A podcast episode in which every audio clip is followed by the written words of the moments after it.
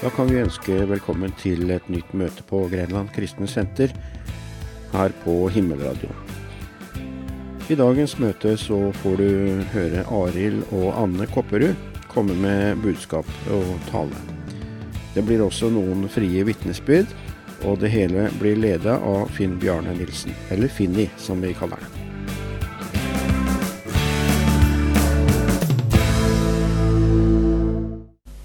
Um, når jeg kom til Jesus, så hadde jeg ingenting. Jeg hadde ikke kone, jeg hadde ikke barn, jeg hadde ingenting. Jeg var rundt 25 år da. Jeg hadde ingen mulighet til å skaffe meg kone. Jeg hadde ingen mulighet til å skaffe meg noen ting, for at jeg var uh, egentlig såpass uh, psykisk dårlig at jeg skulle vært sperra inne. Uh, men ja Uansett da, så var jeg ikke et menneske. Jeg var et totalt vraka menneske. Men det første faktum jeg lærte meg å gjøre, det var å gi tiende. For det, det, klarte jeg å gjøre uten å anstrenge meg. For det var bare å trykke på en knapp på en PC eller et eller annet sånt nå. Eller betale en regning. Det, det klarte jeg selv om jeg var veldig dårlig psykisk. Og veldig, veldig eh, Jeg sov jo aldri. Det klarte jeg. Men jeg skal faktisk si at eh, så kom, fikk jeg kone, jeg fikk barn. Eh, jeg hadde jo et hus, da, men det var veldig dårlig. Jeg pussa opp, og det er jo bra. Jeg har jobben, og, og, Gud har vært trofast mot meg. Jeg har ingen gjeld. Jeg har hus, bil og sykkel. Men jeg har alltid vært trofast med å gi tiende og hellige gaver. For jeg tenkte på Det at det står nemlig i Bibelen at du kan prøve Gud om ikke han skal velsigne deg. Det står faktisk at han skal velsigne deg, og de skal peke på deg og se. Og de skal bli misunnelige på deg fordi du gir tiende hellige gaver. De skal se at det lykkes for deg. Og jeg kan bare si at det, all ære til Gud at jeg, altså det er normalt for vanlige mennesker å klare å få seg en kone eller mann og barn. og alt det der, Men det var ikke det. Mitt, for meg var ikke det egentlig en mulighet. Så jeg har vært heldig. Gud har gitt meg alt. Og jeg eh, starta med tiende og ga støtta penger til menigheten med en gang jeg ble frelst. Aldri angra. Så, så det, er, det, er, helt fantastisk. Gud hjelper deg. Søk, søk Gud. Sats på Gud. Gud kommer til å hjelpe deg gjennom ting. Om, om du har det bra nå, så, så vil det alltid komme motstand. For Satan hater alle mennesker, og han vil prøve seg på alle mennesker. Han vil kjøre mot alle mennesker han kan. Så derfor er det så viktig å ta imot Jesus i ung alder, noe som jeg angrer på at ikke jeg gjorde. Det angrer jeg på, altså. At ikke jeg tok imot Jesus når jeg var ung, og fulgte Jesus fra jeg var ung av. Å lære han å kjenne fra jeg var ung det er jo bare så fantastisk. Altså, jeg, Det angrer jeg på, det må jeg ærlig si, men deg som er ung, følg Jesus fra da ung av, og han vil støtte deg og hjelpe deg gjennom livet. Du, du vil være så privilegert. Han ønsker kun å velsigne deg og gi deg alt du trenger til. Så han er god. Da skal vi lese fra Salomos ordspråk, eh, kapittel 3, vers 9, da. Bare sånn at eh, dere tror på det jeg sier. Der står det Er Herre med gaver av ditt gods og med førstegrøden, altså tienden av all din avling. Så skal dine lover fylles med overflod, og dine persekar flytte over. Så dette er sant, men det gjelder ikke bare økonomiske ting. Altså det gjelder ja, livet ditt, det gjelder familien din. Det gjelder livet ditt. Dette her er, er utrolig viktig. Og, og, det å gi penger til Guds rike, det er på en måte du ofrer til Gud. Du bærer fram et offer. Så det er, det er, bare, Jeg kan ikke forklare hvor fantastisk det er. Og Gud Jeg har lest om Hvis du leser Gamle Testamentet, så reddet ett offer reddet antageligvis kanskje flere millioner liv. Det var når Aron tok et ildoffer i sin ildpanne, og så gikk han midt inn i israelsfolket. Og da var Gud så sinna eller vred at han ville utslette israelsfolket i ørkenen. Ett offer og kanskje var rundt en 20 000 som døde, men her var det snakk om millioner som han da redda. Sånn som jeg, ser, som jeg leser Bibelen, så var det Du kan si kun 26 000, eller hvor mye det var som døde, men altså Hva var alternativet? Så et offer kan gjøre mye. Amen. Da tar vi opp kollekten, og da har vi eh, eh kortterminal ved inngangsdøra der. Og så kommer en kollektør rundt og tar opp eh, kontanter, og så har vi VIPS. Det står nede på en lapp der. Det er jeg ikke sikker på hvordan du gjør, men så får det gi sånn som dere ønsker selv. Men det er veldig bra å gi. Amen. Jeg skal ha, Mens vi gir, så kan jeg ta et lite vitnesbyrd av Bjørn. Han spurte meg om å få lov å si noe. Du kan ta det nå, Bjørn, hvis du vil. Kan vi godt bare begynne å ta opp kollekten, og de som ønsker å gi, kan gå ned og gi med kort på maskinen. Jeg vil Bare dele litt med det som uh skjedde i går. Vi var seks stykker fra menigheten her. Det var meg, Hans Jakob, Eva og så Elisabeth, Bente Anders og noen andre fra noen andre menigheter. Vi var med Gatekirken. Var borte i Tønsberg. Var hos David Dauke. Skulle da se hva de gjorde, og, og hva de gjorde på gata når de evangeliserte. Før vi kom dit, så fikk vi beskjed om at vi skulle være med på en skattejakt Det var en veldig fin eh, måte å gjøre det på, syns jeg. For at eh, når David eh, sto og talte om åssen vi skulle gjøre det, så, så var jeg delt inn i to og to som skulle gå sammen på byen. Men vi skulle bruke en halvtime og be til Gud at kanskje Gud gav oss noe. Kanskje da eh, et navn, eller eh, om det var en jente eller en gutt. Eller om det var en svart væske. Det kunne være lokalisation, enten ved Klubben hotell eller Quality Hotel som er der nede. Og så kunne da eh, Hans Jakob få noe, men det var ikke det at vi fikk noe. Men eh, det kunne være det at eh, da vi gikk ned Hvis vi fikk det sånn og sånn, så kunne vi gå ned til da f.eks. Quality Hotel. Så kunne vi da liksom treffe akkurat på det Gud hadde gitt oss, som vi hadde skrevet ned. Og vi kunne få lov til å dele et kjærlighetsbrev til, fra Gud til dem. Vi har et kjærlighetsbrev fra det til Gud. Etterpå så samlas vi nede i den lille menigheten til David. Vi var der og spiste og hadde en fin fellesskap. Etterpå så inviterte han oss til møte. Vi var der. Og noen reiste tidlig, med den som var igjen, det var alle vi fra Greskås. Og vi fikk så et vanvittig sterkt møte med Herren. Hvor Herren virkelig talte inn i hvert enkelt liv av oss. Til vi som var der. Og, og, og, og David kjenner meg ikke. Jeg bare vet hvem David er. David har ikke sett meg. Han har ikke vært med meg daglig. Men han talte inn i livet mitt. Talte det jeg har vært igjennom. Det som har skjedd i leiligheten. Og jeg kjente at han, han, han, djevelen bare prøvde å komme og ville stoppe dette her forløsninga. Han ville bare stoppe det. Men jeg bare kjente når de ba, og jeg kjente at, at, han måtte bare gi seg. Kjente at Gud bare kom der og bare sa du bare, bare forsvinn. Du bare kjente den freden. Og så husker jeg også når jeg kom der eh, Det var noe jeg spurte David om. At eh, det var noen papirer jeg hadde fylt ut av om det var riktig for å få en giro. For jeg vil gjerne velsigne det Erban gjør. Så sier kona til henne at du skal gi henne en pappaklem. Så står han der så sier han til meg når jeg ber nå Glem at det er mine ermer som holder rundt deg. Glem at det er mine ermer. Så holder jeg rundt meg og ber for meg. Og jeg, og jeg kjenner bare jeg bare faller sakte og rolig ned. Akkurat som jeg har falt i fanget på Herren. Jeg tror alle vi som var der i går av GKS, folka fikk et sterkt møte med Gud som jeg aldri har opplevd før. Stolene bare flytta seg. Aldri opplevd. Men det er noen som sier at du aldri skal være misunnelig. Men jeg er misunnelig på de som ikke var der. Men jeg har et ønske om at som en menighet at vi en dag kan reise ned dit og være med på det som skjer en lørdag. For det var så vanvittig bra. Det er helt stort. Men det kan ikke beskrives. Du må oppleve det. Du må oppleve hva Herren gjør. For Herren står ved det han sier. Han holder ved sitt ord. Selv om vi kan gjerne eh, sier ting, og så holder vi ikke det lovet. Men Herren holder det han lover. Han står ved sitt ord. Og han har mye for oss. Og jeg sa til Gud at du bare fortsetter der du slapp i går. Og så sa jeg til Herren også at la mine brødre og søstre få oppleve det i dag som vi opplevde i går, Herre. Det var det jeg ville dele med Amen. Det er bra. Det har uh, vært en klapp, ja. Dere får Tusen takk for det dere er med å gi oss så inn i Guds rike. Og Gud uh, skal velsigne dere. Han gjør det. Det er bare helt sikkert, det. Uh, vi kan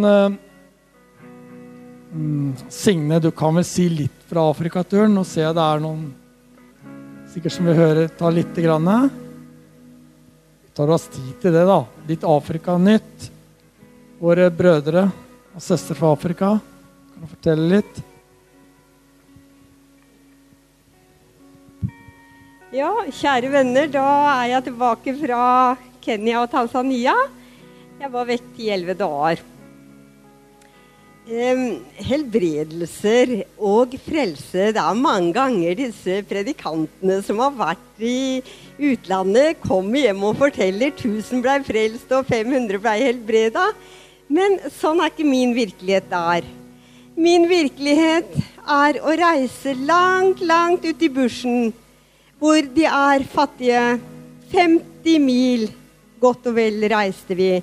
Disse menneskene der som vi møter, det er masaier, og de har aldri anledning til å gå på svære stevner på fotballbaner hvor en million mennesker samles. Nei da, de sitter under et tre. Fattige, nesten ikke klær. Veldig magre og tynne. Og da kommer jeg hvit og går rett inn i hjertene deres, for jeg sier jeg er gift, og jeg har ni barn. Og da er jeg rett inn i de, vet du. så det er kjempefint. Og Gud er jo så nær. Han er så nær, og han virker i hjertene deres. Og vi fikk jo også delt ut klær til de. Og jeg hadde fått mange nye truser. Og hver av kvinnene fikk truse hver. De bruker ikke det, så de var jo overlykkelige. De var veldig lykkelige. Og så fikk jeg også forkynt evangeliet da. Og, og så en annen ting så underviste jeg i helsespørsmål i engelsk. Og jeg er jo så enkel som menneske og enkel til å forklare, så de skjønner meg. Og så var det snakk om vann. Hvor mye vann skal vi drikke? For de blir jo veldig tørre, og kroppen tørker inn. og Leppene blir tørre, og ikke noe i øynene. Ikke en tåre i øynene, for det er jo så tørt der.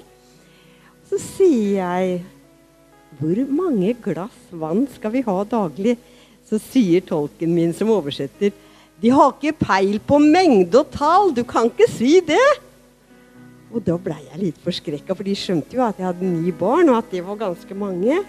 Men i hvert fall så måtte jeg gjøre, lage litt show da jeg underviste de om at de skulle ha åtte glass med vann da, daglig. Og det var mye, fordi det er jo ikke vann der. Vi kjørte over elleve bruer, og det, alle elveleiene var jo tørre. Fantes ikke en vanndråpe disse her, og de må jo gå veldig, veldig langt for å få tak i vann. Og da bærer kvinnene ofte en ti kilos um, pott på, på, hodet sitt. da, Ti liter vann da. Men um, jeg opplevde veldig mye fint. Helsesenteret ble ikke innviet, men dere som vil være med på innvielsen, da blir det en tur i mars. I mars måned. Og huset til legen var ferdigbygd, blei ferdig den siste dagen jeg var der. Og jeg har mange hilsener til menigheten, og de er veldig glad i dere. Må Gud velsigne dere.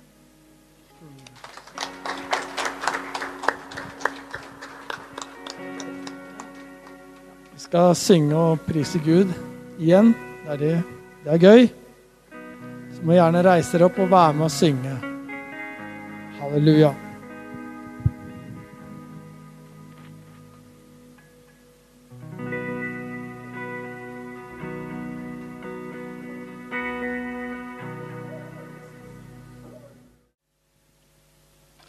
Far, aller først så vil vi takke deg for at vi får lov til å være i dette fellesskapet. Takk for at vi får lov til å ha et fellesskap med hverandre her nå i dag, Jesus. Takk for at du er til stede midt iblant oss. Takk for at vi får lov til å lovprise ditt navn for det du har gjort for oss. Takk, Jesus, for at du har frelst oss, satt oss i frihet. Takk for at du ønsker at vi skal få lov til å vokse i vår tro på deg og vokse i vår erfaring med deg, Jesus. Vi takker for denne menigheten, Jesus. Takker for at du har en hensikt og en plan med denne her menigheten og med hver eneste en som er her. Takk, Jesus, for at du er her med din Hellige Ånd nå i dag. Amen. Nå vet du at jeg mange ganger er her sammen med Buck. Og Da pleier han også å si 'reis dere opp i hils på en eller annen', men det skal ikke jeg si. Nei. Men jeg skal si 'reis dere opp og trekk to rader fremover', så vi kommer litt tettere på. Kan dere ikke det? Er ikke det greit, da? Hvis dere greier det. Kom igjen, litt tettere på, så blir vi litt mer fellesskap her. Kom igjen! Ingen tvang. Det er helt frivillig eller Nei, frivillig tvang heter det. Sånn er det. Og så, er det ikke ofte at eh, gjestetaleren må korrigere møteverten, da. Men to korreksjoner skal han få lov til å få med seg. Nei. Anne Lisbeth heter min kone. Men det er jo nesten, da. Og så eh, Jeg skal som sagt være, jeg blir her neste helg også, sammen med Buck. Og det er klokka syv. På lørdag og fredag og lørdag så er det syv, men på søndag så var det fem. Så den siste var riktig, altså. Bønnemøte seks. Det er like viktig. Ikke sant? Like viktig. Anne og jeg vi har tenkt å gjøre det sånn i dag at vi deler litt på det. vi. Fordi at eh, vi, eh, vi gjør, gjør, det sånn at eh, noe si, undervisning og noe vitnesbyrd. For at vi har en del erfaringer som vi har opplevd gjennom vårt liv, som vi ønsker å dele med dere. Og så har vi noen, veldig, noen tanker vi har fått eh, om et, et tema. Og temaet finner vi i Jakobs brev, kapittel 1 og vers 2. Og der står det sånn Mine søsken, regn alt bare som glede når dere blir utsatt for alle slags prøvelser. Herlig ord. Hæ? Du vet at uh, en dag så uh, ringer sjefen din og så sier at uh, jeg må dessverre si deg opp på jobben. Joho! Prøvelse. Regn alt bare som glede. Husk på det. Alt som en glede når dere blir utsatt for alle slags prøvelser. Jeg har en venn av meg som eh, for en stund siden fikk telefon fra legen. 'Du har kreft.' Joho! Regn alt som glede. Jeg sjøl hadde jeg har hatt to ulykker med min motorsykkel. Jeg kjører ikke motorsykkel med nå, bare så dere veit det. Men, men jeg har hatt to ulykker. Uh, og Siste ulykken den var litt, uh, litt sånn kraftig. Det har noen av dere hørt før. Den, uh, da ble jeg litt hardt skada.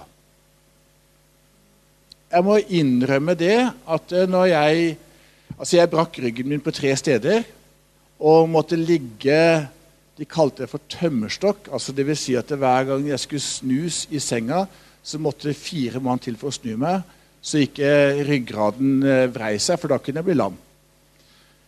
Eh, og Første dagen ble det ikke operasjon. Andre dagen ble det ikke operasjon. Og når legen kom da på kvelden andre dagen og sa at det ikke ble en operasjon i dag heller, altså, så tenkte jeg Jeg forstår de som velger å avslutte livet sitt. Juhu! Regn alt som glede når du møter prøvelser. Dette her, her er jo livets realiteter, dere. Og så er det noen ganger Når vi møter prøvelser, så er det noen ganger sånn at det, mange møter kanskje den litt mer religiøse delen. Dette må du bare stå imot, gutt. Det er seier! Ikke ta det imot. Stå det imot, det grønne her. Du vinner! Jesus ordner dette her for deg. Noen ganger møter vi sånne reaksjoner. Men det er ikke lett når du står der midt i prøvelsen.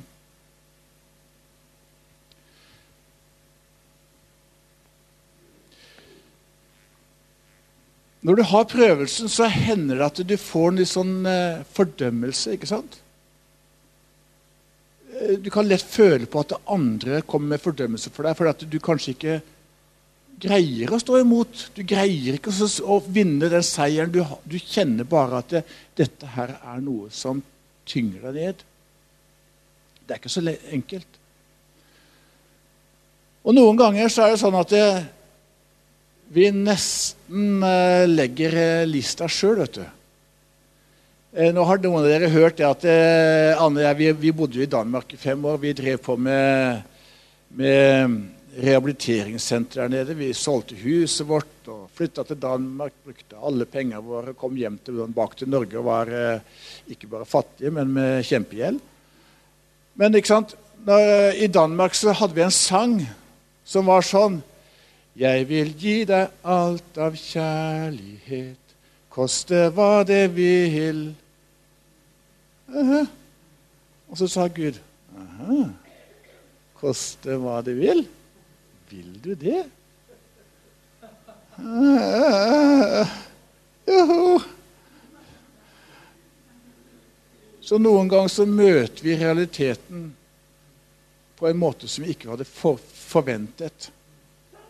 Noen ganger så er det litt vanskeligere enn det vi tror. Og så som sagt, kommer lett fordømmelsen, enten fra andre eller fra oss sjøl. Og det er ikke så lett alltid å kunne si at jeg anses som en glede når jeg møter prøvelser. Jeg gir mikrofonen litt til Anne. Ja. Vi gjør ofte sånn, vi. at vi, vi, vi bytter på litt, Anne. Ja, hei. Ja, det temaet her er jo faktisk eh, et vanskelig tema. Fordi at hva er hva? Det er vel der vi alle sammen står og lurer mange ganger. Hva er egentlig hva? Når det møter oss noe som er vanskelig, er er det deg, Gud? Er det du som setter meg i denne situasjonen her nå? Eller er det angrep? For å finne ut av det, det er jammen ikke alltid så lett. Men det er interessant å tenke på, og, og vi syns det er litt gøy å snakke om. Og vi merka når vi holder på med dette her igjen nå, så, så det tar litt tak i oss. Nå er det sånn at det er et ord på gresk som heter peirasmus, eller peirasmon, som betyr prøvelse, men det betyr like mye fristelse. Så fristelse og prøvelse er faktisk på grunnspråket det samme. Det er vi som har delt opp i prøvelser og fristelser, og det kan være litt vanskelig for oss å forstå. For det står jo bl.a. at Gud, Gud, frister ingen, men han prøver jammen med oss. For det gjør han jo. Så, eh, men dette ordet her, det er altså et, på grunnteksten et nøytralt ord. Dvs. Si det er ikke negativt, det er ikke positivt. Det er helt nøytralt. Derfor så brukes det på den måten og det er jo egentlig litt greit å vite. For Gud frister ingen. Det står klart og tydelig. Vi vet at djevelen frister oss. Og det er veldig viktig når vi leser disse ordene, og det står mange ord om det i Bibelen, i særlig Nytestamentet, så står det veldig mange plasser. Og da er det viktig å se på sammenhengen det står i. Er det nå en prøvelse? Er, nå, er Gud involvert nå? Eller er det rett og slett angrep? Er det noe vi skal stå imot? For det står også veldig klart og tydelig stå Satan imot, så skal han fly fra dere. Og man, Det er mye lettere når, vi, når, det er Satan. Det er faktisk mye enklere, for da kan vi kaste den ut. Vi kan ikke kaste ut Gud. Når han setter oss i en situasjon, så må vi gjennom den situasjonen. Og det er faktisk litt interessant. Så, sånn at vi skal, være, vi skal, ikke være, i tvil om at livet består av prøvelser. Det vil være gjerne bolker i livet vårt hvor det er mange prøvelser. Det kan være tider hvor, hvor det kommer tett. Det skjer mange ting på en gang. Og så kan det være rolige tider hvor det egentlig ikke skjer så mye. Men jeg tror veldig mange er enige om at når det skjer veldig mye, så tvinger det oss litt tettere på Gud når vi, vi har, når vi, har, kommet inn i det gode landet, for å si det sånn, så er det veldig lett å glemme å holde seg nær til Gud. Så det er viktig med disse prøvelsene og disse her utfordringene vi får. Og de kan være mange forskjellige typer. Eh, vi ber i Fader vår led oss ikke inn i fristelse. Jeg husker Søstera mi hun er prest. Hun sa det at det betyr egentlig 'led oss utenom fristelse'. Men uh, på grunnteksten og det, det, språket som heter arameisk, det som Jesus snakka, der står det 'la oss ikke komme i fristelse'. Og enda en oversettelse sier 'redd oss fra syndens makt' og for å gi etter for fristelsen. Hjelp oss for det, Gud at ikke vi gir etter for fristelsen. Så det er egentlig en bønn dere kan be med litt større forståelse enn når vi bare ber 'led oss ikke inn i fristelse'. For Gud leder oss ikke inn i fristelse. Det er faktisk litt uh, rar oversettelse. Men, men, noen ganger så er det ikke det at det er feil, men det, det skal en større forståelse til. Så plutselig så blir det meningsfullt allikevel. uh, hensikten med prøvelser Gud må jo ha en hensikt med det. At han lar oss gå igjennom forskjellige vanskelige ting. Og det er en som sier det sånn Det skal fremme eller styrke det som allerede er i deg. Så meninga er at gjennom en prøvelse så kan du faktisk komme tettere på Gud. Du kan vokse. Jeg hadde senest i dag en bitte liten prøvelse. Og fordi jeg nå var i dette moduset her hvor jeg tenkte på disse tinga Kan jeg, kan jeg fortelle deg, Arild? Vi hadde besøk av en som ler så fryktelig høyt og så fryktelig mye og har vært hos oss en tid. Og det er så mye latter. Og jeg gikk opp i antasje, og jeg hadde det litt travelt, og jeg bare hørte denne latteren, og så kjente jeg nå tipper det litt for meg. Så kom tanken. Hvordan takler jeg dette her? For her kommer det interessante valget, valgets kvaler. Vi, dagene er fulle av valg, og de er fulle av valg vi kan vinne. Og dermed så går vi framover med Gud, og vi vokser i modenhet. Og dermed så ble den bitte lille tingen en sånn greie som Hva gjør jeg med dette her? Det er ikke angrep. Eh, det er, det er ikke noe jeg kan gjøre noe med. Jeg kan jo selvfølgelig gå ned og si til han du, du ler innmari mye, altså kanskje du kan dempe deg litt. Grann. Men jeg syns ikke jeg kunne det. Og det var jo ikke det jeg skulle. Jeg måtte bare finne meg i det. Men jeg kan fjerne meg. Så det er noen ganger du må finne ut av hvordan du skal gjøre ting. Og så tenker jeg noen ganger at vi er litt for religiøse i tankemåten vår fordi at det er naturlig. Vi skal tenke litt naturlig på ting. Hva er dette her? Og dermed så kan vi plutselig så kan vi um, Eh, det ene tar det andre. Vi går fra tro til tro, vi går fra herlighet til herlighet, vi går fra situasjon til situasjon, vi går fra valg til valg, og vi skal framover. Vi kan sette oss på baken og tenke at dette her gidder jeg ikke bry meg så veldig mye om. Men dette her er viktig. Dette er livet vårt med Gud. Alle de bitte små tinga som kan være litt irriterende og vanskelig, det er livet vårt med Gud.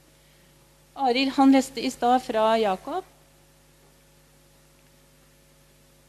Og det står jo 'regn det som en glede når dere blir utsatt for prøvelser'. For dere vet at når troens ekthet blir prøvet, så virker det tålmodighet. Da er vi inne i en prosess som har med Gud å gjøre. Det skal virke fram en tålmodighet i oss. Hvorfor det? Hvorfor er det så viktig for Gud at det skal virke fram at vi blir tålmodige? Det, det, er jo faktisk eh, Det er jo faktisk mye viktigere enn det vi tror. Og så står det videre tålmodigheten må vise seg i moden gjerning. Ok, Hvorfor er det så innmari viktig å bli moden, da? Jo, for at vi kan være modne og helstøpte og ikke stå tilbake i noe. Vi skal være modne og helstøpte og ikke stå tilbake for noe. Det er jo fantastisk. Dette er veien for å bli moden og helstøpt dette er veien for å bli full av visdom. Det er faktisk å ta tak i de bitte små tinga som, som, skjer. I dag var det han som lo så høyt. Var en bitte liten ting. En liten bagatell. Men jeg syns faktisk det ble litt morsomt. Og så står det videre Det er i 1. Peter 4. Mine kjære. Da kan du sette inn navnet ditt. Jeg sier min Anne. Gud sier liksom 'min Anne'. Undre dere ikke over den ild som kommer over dere som en prøvelse, står det et sted. Som om det var noe merkelig som hendte dere. Men gled dere i, de samme, i samme grad som dere har del i Kristi lidelser. Som andre ord, ikke undre deg over at det skjer så veldig mye rart i livet. For det kommer til å skje. Det kommer til å komme kriser. Det kommer til å komme katastrofer. Eh, på forskjellige måter. Små og store ting. Og der er jeg sikker på at alle sammen sitter og kjemper med noe. Vi veit alle et eller annet vi sliter med. Som vi ikke får seier i, som vi ikke kommer videre med. Men det er håp. Og det, er, det gjelder å ikke gi opp. For dette her er så veldig, veldig bibelsk. Og jeg har funnet ut noen ganger at det, hvis ikke det skjer noe i livet mitt Gud, er det et eller annet jeg trenger å omvende meg fra? Er det et eller annet jeg takler feil? For det er helt sikkert. Men dette var bare noen tanker om det. Så det viktigste er egentlig at prøvelse og fristelse er litt det samme. Men det kommer fra to forskjellige kanter.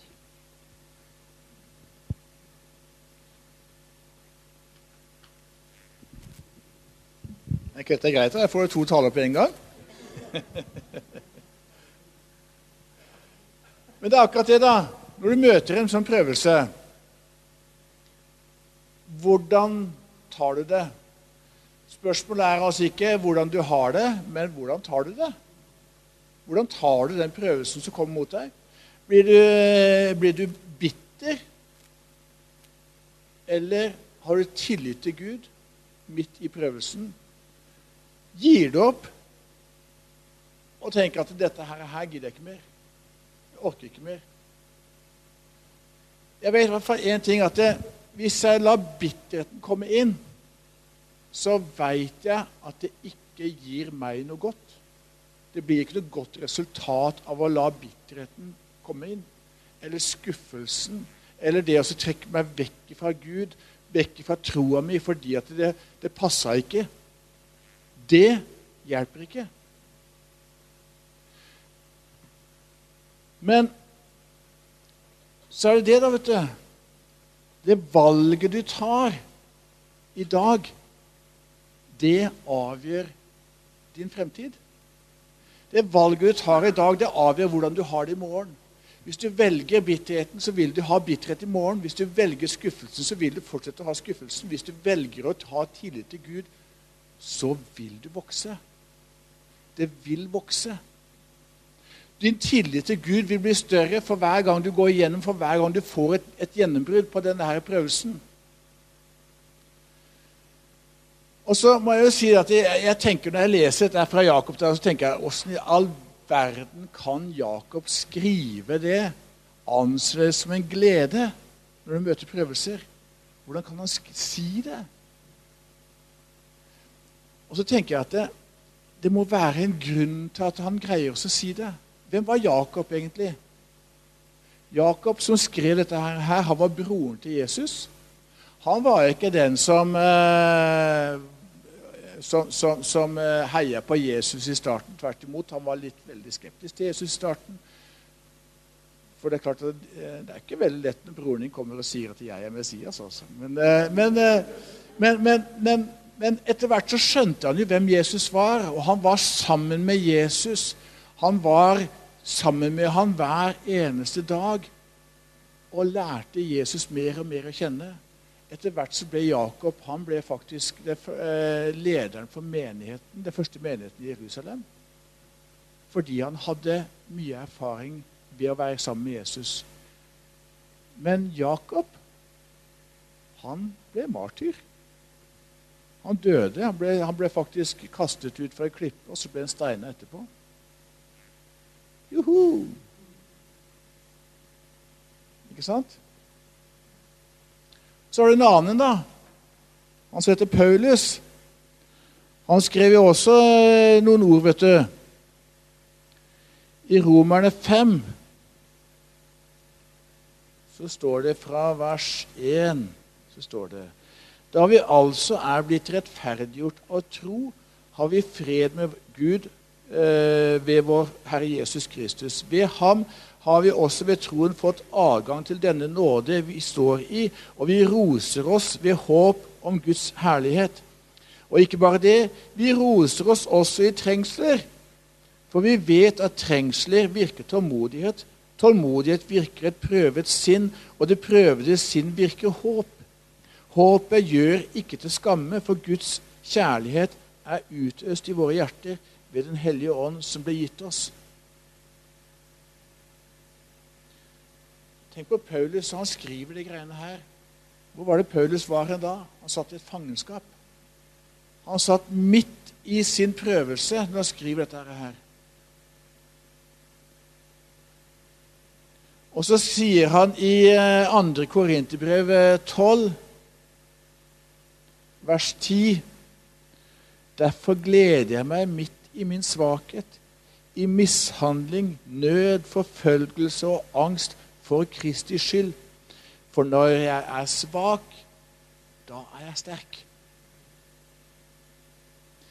Så nøkkelen til at både Jakob og Paulus kunne si det som de sier, det var at de hadde fått en erfaring på at tryggheten var Jesus. Og det som det ender med, er jo egentlig at de har en prøvet tro.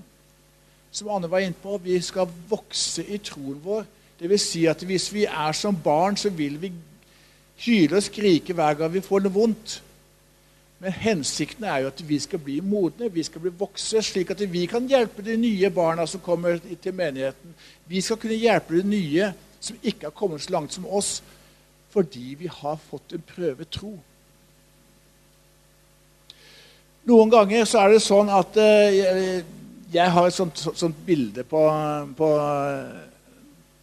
på, de greiene her. For at uh, Hvis du ser for deg i en krig, så er jo soldatene der. ikke sant?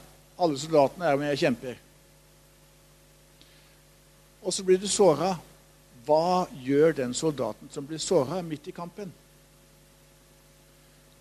Han ligger antageligvis rett ned fordi at han er såra. Og så Jeg trenger hjelp. Og der er vi mange, mange ganger i livet vårt. At vi blir såra på et eller annet vis. Prøvelser, hva det måtte være for noe. Hva gjør vi?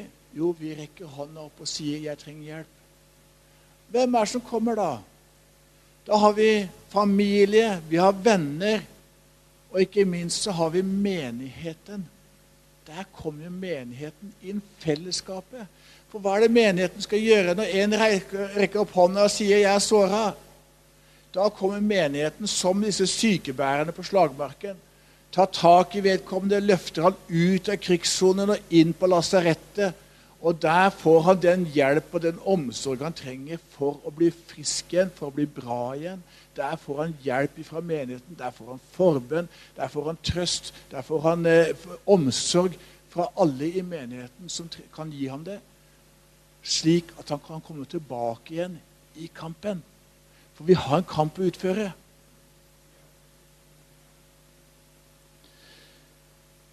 Det hjelper i hvert fall ikke da når du ligger der på slagmarken, så hjelper det ikke. 'Kom igjen, broder! Stå på! Dette klarer du! Kom igjen!' Det hjelper ikke. Ta fatt i vedkommende, gi en omsorg, hjelp, støtte. Få på lasarettet. Der kan han bli lekt, så han kan komme tilbake igjen.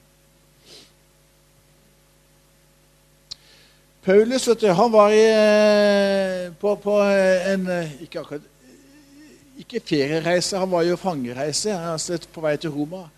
Og så vet dere at eh, de kom utfor en storm, og de eh, led skipbrudd. Og kom i, i, land på en øy, og der var de kalde og våte. Og så står det det at eh, de laget seg et bål for å få varmen. Og så står det det at når Paulus sanka sammen noen kvister og greier for å få opp dette bålet her, så kom det en slange og beit han. Øyboerne visste hvilken slange dette her var. De visste at dette her var en dødelig slange. Hvis Paulus hadde løpt skrikende bort «Ah, Jeg blir bitt! Så hadde det én ting skjedd. Garantert han hadde dødd. Men hva gjorde Paulus? Han ristet slangen av seg inn i flammen. Bildet på det er løper du skrikende vekk fra menigheten. Du er såra. Du «Ah, Jeg gidder ikke mer. Så hjelper det ingenting. Men bli der hvor varmen er. Bli i menigheten. Bli der hvor du får denne omsorgen. Så vil du bli lekt.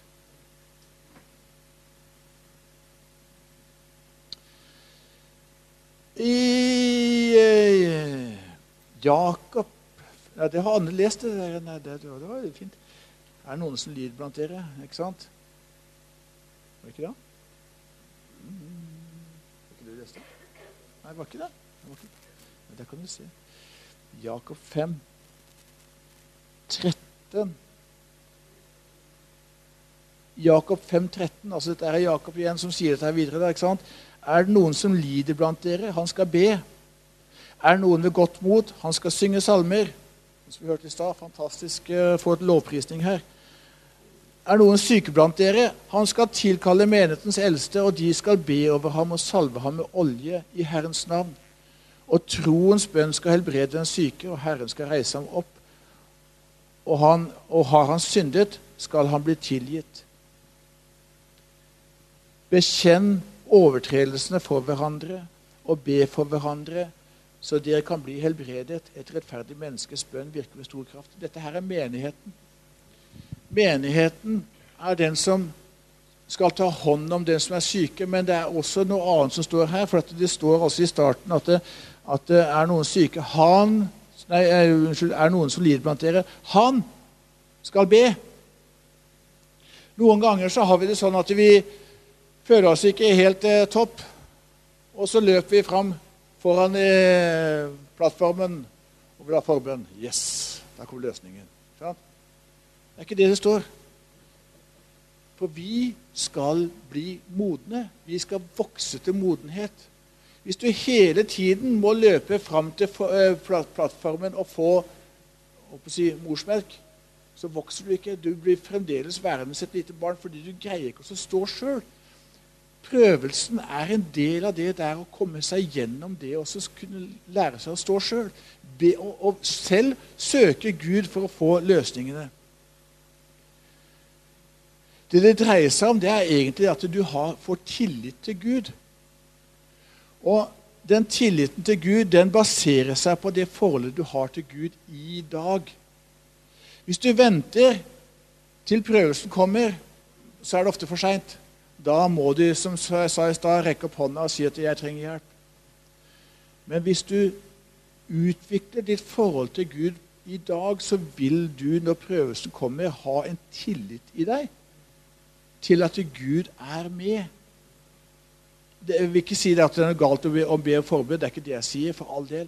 Men men, for det kan noen ganger være en veldig god hjelp når du står midt i en prøvelse. At du får både som sagt, omsorgen og forbønnen og alt det greiene der.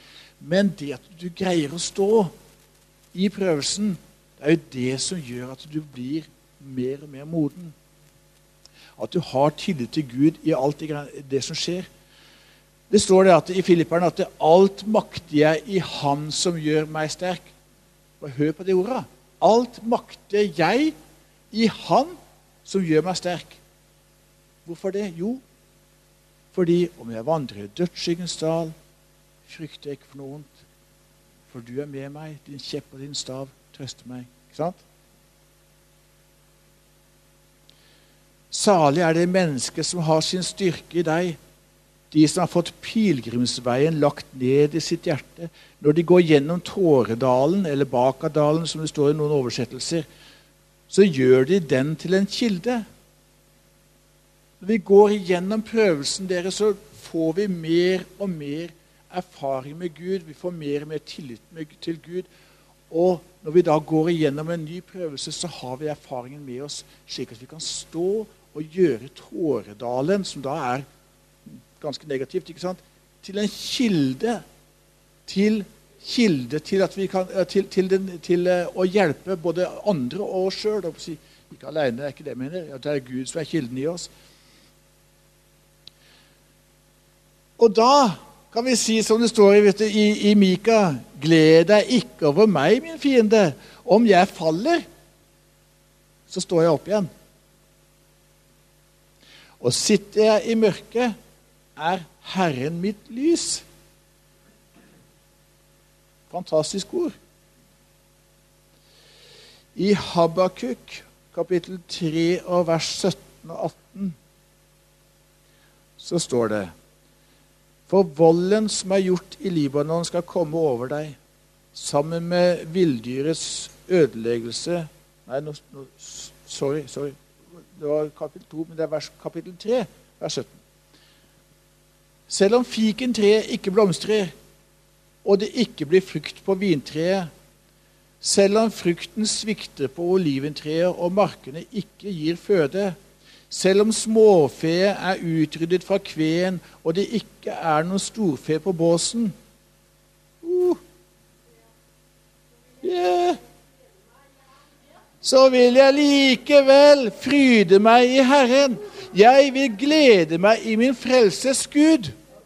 Der er den prøvede tro, dere. Herren Gud er min styrke. Han gir meg føtter som dådyrene, og han lar meg fare frem på mine høyder til sang, eh, sanglederen min med mine strengeinstrumenter. Det er som, som tillegg, da. Men altså, det går jo på at, det, han får en lovsang ut fra dette her, og det han har vært igjennom. Jeg fortalte det, eh, var litt innpå i stad, dette med at jeg har vært igjennom disse her uh, ulykkene mine. Uh, og min, min, opplevelse av ulykken er jo, som jeg sa i stad Etter dag nummer to og en halv så tenkte jeg å, jeg forstår de som velger å avslutte livet sitt. Men så kom det noe som, som er bygd opp inni der. Det, dag tre var det vel Jeg husker ikke helt. Men jeg tror dag tre så kom jo, det var det faktisk. For det var bursdagen til uh, tvillingene våre. Så kom de på besøk på sykehuset. Da kunne jeg si til mine barn og min kone, som var engstelig for hvordan dette ville gå For da hadde jeg fått et ord. Så sa jeg jeg dør ikke en dag for tidlig. Fordi at det, alle mine dager er jo talt av Herren. Jeg dør ikke en dag for tidlig. Det var en trøst jeg kunne gi til mine barn og til Anne. Men Anne hadde selvfølgelig sin opplevelse av det som skjedde.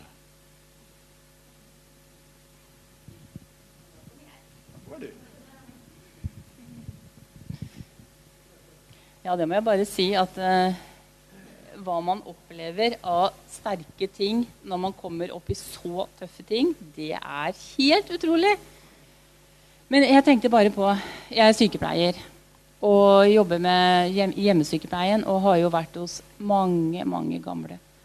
Og jeg ber så ofte om å få en nøkkel inn til folks hjerte, sånn at jeg kan eh, Hvis det er et eller annet der, så, så jeg kan få snakka litt med dem. Og se hvor de er hen, og se om, de, om det er noe de eh, vil prate om. Og det syns jeg veldig ofte Gud har gitt. Og det, var, eh, og det er ikke få av de gamle som har sagt jo, de opplevde noe med Gud i, i, ungdommen. Så skjedde det noe, et eller annet, som gjorde at Nei, da vendte de Gud ryggen. De ble bitre. Det var en ulykke. De mista kanskje et barn. Det var sånne litt sånn traumatiske, store ting. Åh, du, jeg, jeg, bare kjenner at jeg, mitt hjerte blør for sånne folk. Var det ingen der til å hjelpe deg gjennom? Var det ingen der til å trøste deg, til å oppmuntre deg, til å få hala deg gjennom? Men det var jo ikke det. Og så er det helt på slutten av livet. Og jeg har faktisk opplevd at folk har gitt livet sitt til Gud helt på slutten. Og gjennom kanskje to-tre samtaler, bare sånne små samtaler som Gud har lagt veldig til rette, uten at jeg går utover eh, eh holdt, jeg på å si min eh, Jeg har jo noen regler å følge så har jeg likevel det tror jeg har sagt her før, at vi har ansvar for ånd, sjel og kropp. Det står i sykepleierloven. Og det er en utrolig styrke. Veldig godt å ha med seg. Men akkurat det der at du møter noe som blir så voldsomt i livet, det kan være ganske fælt. Det står i Jesajas 26.: Du skal bevare den i fred, ja, i fred, den som har et grunnfestet sinn, for han stoler på deg. Da har man kommet et stykke i modenhet når det gjelder det å tro på Gud. Fordi at da blir du bevart i fred når ulykken kommer. Men jeg må jo si det at eh, jeg har sjøl opplevd å vakle veldig. Eh, hvor, hvor, du kjenner at det, nå, hvis ikke Gud bærer nå, så går det rett utfor med alt sammen. Du kan ikke tenke deg at du skal komme igjennom en del ting. Arild hadde en ulykke. Han eh, snakker om den store ulykken. Men eh, før det, eh, året før, halvannet år før det, så hadde han en, en ulykke til. Det var også motorsykkel, motorsykkelulykke, og det var tre små brudd i ryggen. Og da var det som Jesus. Ut igjen etter tre dager. Opp og ut igjen etter tre dager. Du hadde en blødning bak i hodet. Du ble bedt for og fikk en salveduk, og den bare forsvant. Helt utrolig. Så, men da, den gangen, så var det sånn at når du får en sånn beskjed, så begynner beina dine å vakle litt. Du begynner å føle, det, føle at du skjelver litt. Eh, du mister fotfestet. Du uh, tenker at Gud, nå er det bare du som kan gjøre noe, for det er ingen andre som kan gjøre noe. Det er egentlig sånn man tenker. Så døde mora mi. Veldig tragisk og veldig trist. Samme måneden. Hun hadde hatt slag og mista talen, så hun var uten, og ganske ung. Hun var uten tale i uh, fem år. Og pappa, som var en helt som tok seg av mora mi, det var fantastisk å se på dem, og vi hjalp til så godt vi kunne. Men dette her skjedde på samme tid. Så går det et år til. Eh, ni måneder går det. Så dør faren min en tragisk hjemmedød hvor jeg var veldig involvert. Det var brannskade, og det var eh, dårlig sykehusbehandling, og jeg var involvert i alt. Og han dør av, av infeksjon. Og det var helt fullstendig uforståelig, og jeg trodde jeg skulle mista vettet. Fordi at jeg var så involvert i det, og det gikk så gærent. Og jeg tenkte Gud, hva i all verden betyr dette her? Han trodde på deg. Begge mine foreldre trodde på deg, og de hadde en så tragisk død, begge to. Så går det ni måneder. Så kommer Arilds ulykke. Og jeg hadde jo da ennå nesten ikke funnet fotfeste igjen. Så kommer hans ulykke, og den var voldsom. Og igjen så tenkte jeg ok, da var det som om nå samler jeg beina. Nå føler jeg at jeg blir satt inn i en osteklokke. Det har jeg følt nesten hver gang.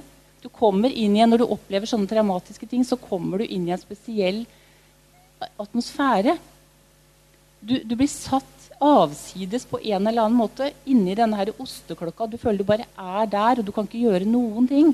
Omtrent ingenting. Du kan gjøre litt, men ikke mye. Og så mye sorg og fortvilelse. Og allikevel så var det et eller annet. Sånn, de, de, snakker om at bunnen i livet ditt er som en som murstein eller som en sånn murblokk. Jeg følte egentlig ikke det, men jeg visste det. Jeg visste så veldig, veldig at Gud, han er trofast. Og så begynte jeg med det som jeg egentlig har fått for meg en del ganger i livet. Og det er hva jeg bruker munnen min til. Og det var to ting jeg kom på at det kan jeg si, for det veit jeg. Og det ene Gud er god. Åkke som, samme åssen det går. Om så Arild skulle dø, så er Gud god. Kan, jeg kan ikke komme bort fra det. At hvis jeg gjør det, da raser alt. Jeg må holde fast på det jeg veit. Og det andre er han er trofast. Og så begynte jeg å si disse tinga Gud, du er god. Du er trofast. Og det var som om jo mer jeg sa det Og det var to enkle ting. Jo mer jeg sa det, jo mer kjente jeg på en måte at jeg ble, jeg ble litt sterkere. Og så begynte disse bitte små rapportene å komme om at ting går bra, men så var det utsettelser, utsettelser. Og stakkars Arild lå der og hadde veldig mye problemer. Og han lå der som den tømmerstokken som måtte snus av fire mange ganger i døgnet, og du var rimelig masete. Men han kunne snakke. Han hadde, han hadde ikke mista talen, sånn som mamma, og det var jeg lykkelig for. For da kunne de i hvert fall mase. Og det er en god ting når du er på sykehuset, at du veit å mase. For den som maser, han får. Og det skal jeg bare si dere. Kommer dere på sykehus, den som maser, han får. Og sånn er det med Gud òg. Stå på, ikke gi deg på det du har krav på. For den som maser, han får. Det står at vi ikke har møtt noe fristelse som ikke vi skal, kan bære. Og Gud er trofast. Han skal lede oss gjennom fristelsen og gjøre utgangen sånn at vi kan tåle det. Det står, og det sa jeg også til Gud. Alle ting virker sammen til det gode for den som elsker Gud. Hvordan kan dette virke sammen til det gode? Og det kan du ikke svare på der og da. Men du veit at på sikt, og det er noe man ser etterpå, på sikt så ser man at Gud han får ting til å virke sammen til det gode. Også alvorlig sykdom. Arild, som, øh, Det ender med at Arild blir pensjonist lenge før tida. Han kan ikke jobbe noe mer. Plutselig så Arild fri. altså Han ble ikke lam. Det er et mirakel. Han ble ikke lam. Operasjonene gikk bra. Kom, når du kom gående inn til noen kontroller, legene bare rista på huet. Det gikk ufattelig bra. Arild er fri til å være med Bøck når han kommer. Han kan kjøre rundt med Bøck og elsker det og ser det som sin store tjeneste å tjene Bøck. Og han har tida, og det eneste han trenger nå, det er en ny bil. Det kommer. Og det du som snakka om eh, tiende eh, litt tidligere her. Det er bare så utrolig sant. Jeg er så stolt av Gud fordi at han holder ord. Når vi gir tiende, så velsigner Gud. Og jeg skal si dere, familien vår har rista på huet av oss mange ganger av de rare valgene vi har tatt. Men de rister på huet av oss når de ser åssen det går. De skjønner ikke åssen vi klarer oss hele tida.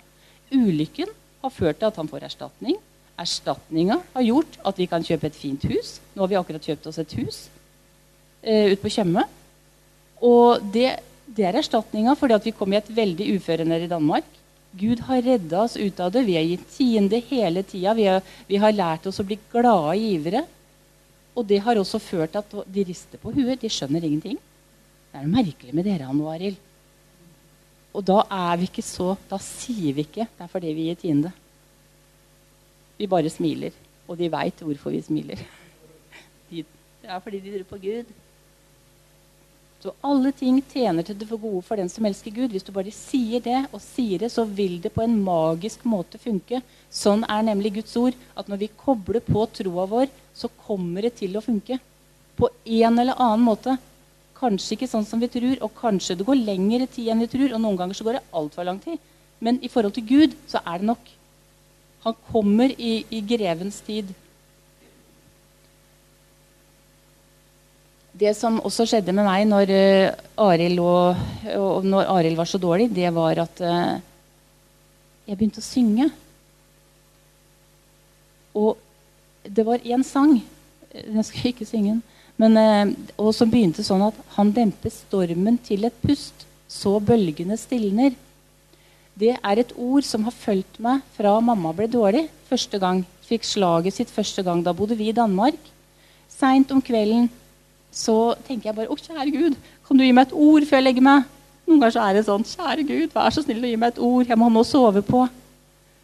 Så blei det det ordet jeg bare kikka ned på, og jeg har aldri sett det før. Det står i Salme 107. Han demper stormen til et pust, så bølgene stilner. Da blir de glade, for de får ro. Så leder han dem til den havn de ønsker.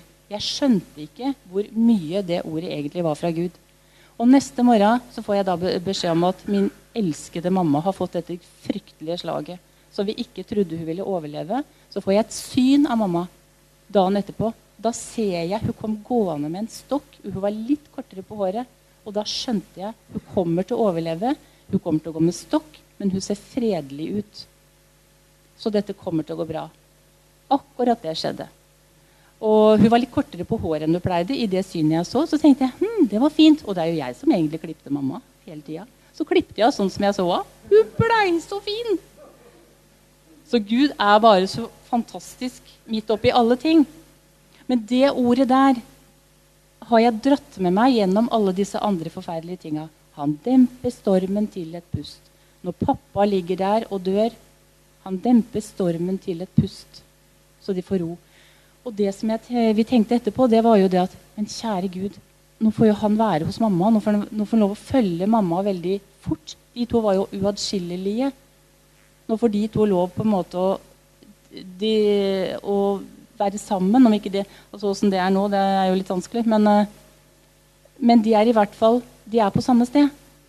Og det er fantastisk å vite, midt oppi alle ting, når tida går og det har roa seg litt De er jo sammen. Nå slapp han å sitte der og savne mamma hver eneste dag, som han gjorde i de månedene han levde etter henne. Og så tar vi bare den beslutninga. Så leder han dem til den havn de ønsker. Da tar vi Tønsberg. Så vi fresa til Tønsberg. Da ville vi hjem. Og da var det på tide å komme hjem. Når vi sa takk og farvel til Danmark, så lokka Gud ned dør for dør for dør for dør. Det var helt utrolig å se hvordan ting bare kollapsa i den der svære bygningen vi hadde. Helt merkelig. Og vi bare skjønte, og, og vi lærte av det, at når vi tar et valg, så er Gud med oss. Så hjelper han oss, til og med om valget er feil. Så får vi heller si at hvis valget er feil, så får du heller vise oss en, en, så får du heller eh, stenge det. Men vi så, at, og det har vi sett mange ganger, at når vi tar et valg, så kommer Gud. Og Derfor så er alle disse valga vi nå også har snakka om i forhold til det og prøvelsene og sånn Når vi velger å tenke at dette må jeg takle annerledes, dette må jeg gjøre noe med, eh, fristelse eller prøvelse, så skjer det faktisk noe. Gud Gud kommer og bekrefter oss. Han har gitt oss veldig mye vilje. Og han vil at vi skal bruke viljen vår. Hva er det du har lyst til? Hva er det du vil? Kom igjen, sett i gang. Mens vi ofte sitter og venter. Gud, hva er det du vil med meg? Hva skal jeg gjøre? Øh, skjønner ingenting.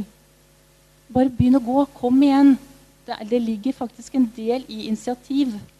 Ulf Ekman skrev en veldig, veldig flott bok om det, om å ta initiativ. Så kommer Gud.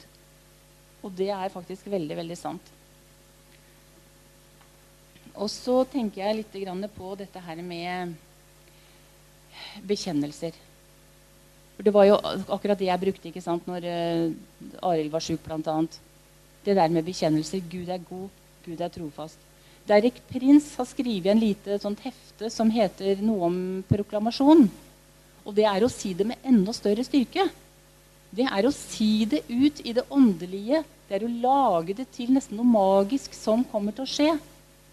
Altså si Guds ord over en situasjon. Så kommer ting veldig ofte til å innrette seg etter det man på en måte sier. Og det er akkurat som Gud elsker at vi proklamerer Hans ord. Og når vi gjør det av hele vårt hjerte, og troa følger i tillegg, så begynner ting å bevege seg. Poenget, eller greia er at vi ofte ikke gjør det. Vi glemmer det, og vi er ikke klar over hvor mye makt vi egentlig har i munnen vår. Det er mye mer makt der enn vi aner. Og jeg kan bare si dere at vi er sjokkert over dårlige bekjennelser hos folk. Og sjøl mange ganger òg. Vi er så lite bevisst på hva Gud har lagt i munnen, eller hva Gud har lagt i munnen vår, sånn at når vi bruker munnen vår i tråd med Guds ord, eller taler positivt, så, så skjer ting. Det kan også være dårlige bekjennelser. Man ødelegger for seg sjøl, og kanskje også andre. Første gang jeg hørte Gud ordentlig, tydelig, da våkna jeg av 'hold fast på bekjennelsen'. Helt tydelig. Og jeg begynte å tenke hva i all verden betyr det, Gud? Vi var helt nye vi kom fra statskirken, og vi begynte å bevege oss i litt frikirkelig retning. Så begynte vi å oppleve en del forskjellige ting, og så våkner jeg med dette ordet. Hold fast på bekjennelsen. Så begynte jeg å sjekke og undersøke, og jeg leita jo egentlig i mange år hva det, hva det betydde. Men det har jeg funnet ut at det er veldig rundt. Det er veldig mye. Det er jo bl.a. Guds ord. Hold fast i det du tror på. Og det Gud sier, så vil veldig mye skje. Jeg må jo si det har vært vanskelig. Jeg har jo Det er veldig mange tabber. Og mange ganger daglige tabber, faktisk. Men der er det faktisk en veldig stor nøkkel i forhold til det vi snakker om, om prøvelser og alle disse her. At bekjennelser er veldig viktig. Så står det i Hebreerne 4,14.: Når vi har en så stor ypperste prest som har gått gjennom himlene, Jesus, Guds sønn, så la oss holde fast på bekjennelsen. Jesus han er vår ypperste prest. Han står framfor Gud. Så kommer bekjennelsen vår. Så sier Jesus til Gud Se dere, får dere et sånt bilde. At han, han løfter vår bekjennelse opp framfor Gud. Og når vi står på Guds ord og sier det og sier det og bruker munnen vår, som er magisk Magisk er feil ord, men uh, det, sier, det bare litt, litt talende bilde på det. Så er, det stor, så, så er det faktisk noe som må skje. Og det står i et annet sted i Hebreerne, det er ti. La oss, la oss uten å vakle holde fast ved bekjennelsen av vårt håp. For Han som ga løftet, er trofast. Så det er superviktig å huske på åssen vi bruker munnen vår. Tale Guds ord, tale positivt. Ikke tale oss ut i forskjellige dårlige ting. Og når vi møter prøvelser, sånn som jeg som da hadde to små ord Gud er god, Gud er trofast, det bærte meg gjennom de to tinga. Og det er jo det samme som står i Romerne. Dersom du, du med din munn bekjenner og i ditt hjerte tror. Vi tror i hjertet, vi bekjenner med munnen. Det er faktisk noe i, i akkurat det. Hva sier Nei, det, ordet er deg nær, i din munn og i ditt hjerte. Det er troens ord som vi bekjenner. Ordet er deg nær, i din munn og i ditt hjerte. Begge deler. Og Jakob sier også, for vi snubler i mange ting. Hvis noen ikke snubler i ord, så er han en fullkommen mann. Med andre ord en moden mann. Det er grunnteksten. En moden mann. Vi snubler i mange ting, men hvis noen ikke snubler i ord, er han en fullkommen eller moden mann som også er i stand til å holde hele legemet i tømme. Det er jo dit vi vil, ikke sant? Komme oss videre. Bli helstøpte, bli trygge Sånn at eh, når Tilbake til den, den, Du skal bevare den i fred, den som har et grunnfestet sinn. Har du et grunnfesta sinn, så blir du bevart i fred. Når det stormer rundt deg, så kan du allikevel oppleve den sterke freden. For vi stoler på Gud. Det ordet eh, hvis noen ikke snubler i ord Det ordet det er logos, og det betyr tale. Det kan være Guds ord, og det kan være vår tale. Og en annen ting. I Jobb 22-29 så er det et lite sånt eh, ord som mange ikke kjenner. Der står det når du går nedover, skal du si oppover. Det har jeg brukt mange ganger for meg sjøl eller det kan også, det er en annen oversettelse så står det 'når de fornedrer deg', så skal du si oppover. Hvis det går nedover, hvis det skjer noen tragiske ting, så bare så holder det å si oppover. Så skal, så skal Gud snu situasjonen. Det er jo mange ganger at dette her tar tid. Og det er mange ganger vi står der forvirra og lurer på hva er dette her for noe. Og man kan bli ganske sliten. Det er vi jo enige om sikkert alle sammen. Men samtidig så veit vi inni oss at Guds ord er sant. Og vi veit at det å stå på Guds løfter og tale ut Guds løfter, det må føre til en forandring. Og så er det jo en del ganger da, hvor vi kommer i situasjoner som vi ikke kan få gjort så mye med. Vi blir sjuke, det må gå sin gang, vi må følge reglene, vi må på sjukehuset, vi må ta prøver, vi må det ene, vi må det andre. Gjør det med tålmodighet. Og med visshet om at Gud er med. For han er trofast. Og det er jo min bekjennelse at han er trofast. Ja, skal du si noe?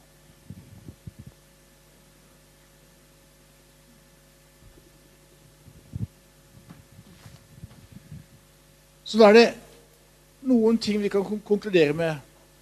Vi kommer til å møte prøvelser hvordan du har det eh, hvordan du, eh, eh, Ikke hvordan du har det, men hvordan du tar det. Altså det vil si hvordan er ditt liv med Gud i dag? avgjør hvordan du tar det i morgen. Hva du sier med din munn, avgjør hvordan utfallet vil bli. Lar du bitterheten komme, så vil du høste bitterhet. Lar du fortvilelsen komme, så vil du bare forbli i fortvilelse. Har du tillit til Gud, der er ditt anker. Tillit til Gud, og du vokser i modenhet, og du har en menighet som tar deg ut av krigssonen, hjelper deg, forbinder dine sår, ber for deg og, og får deg tilbake til, eh, til, til å bli, bli, frisk igjen. Ved Guds kraft, selvfølgelig. Men ikke løp skrikende vekk.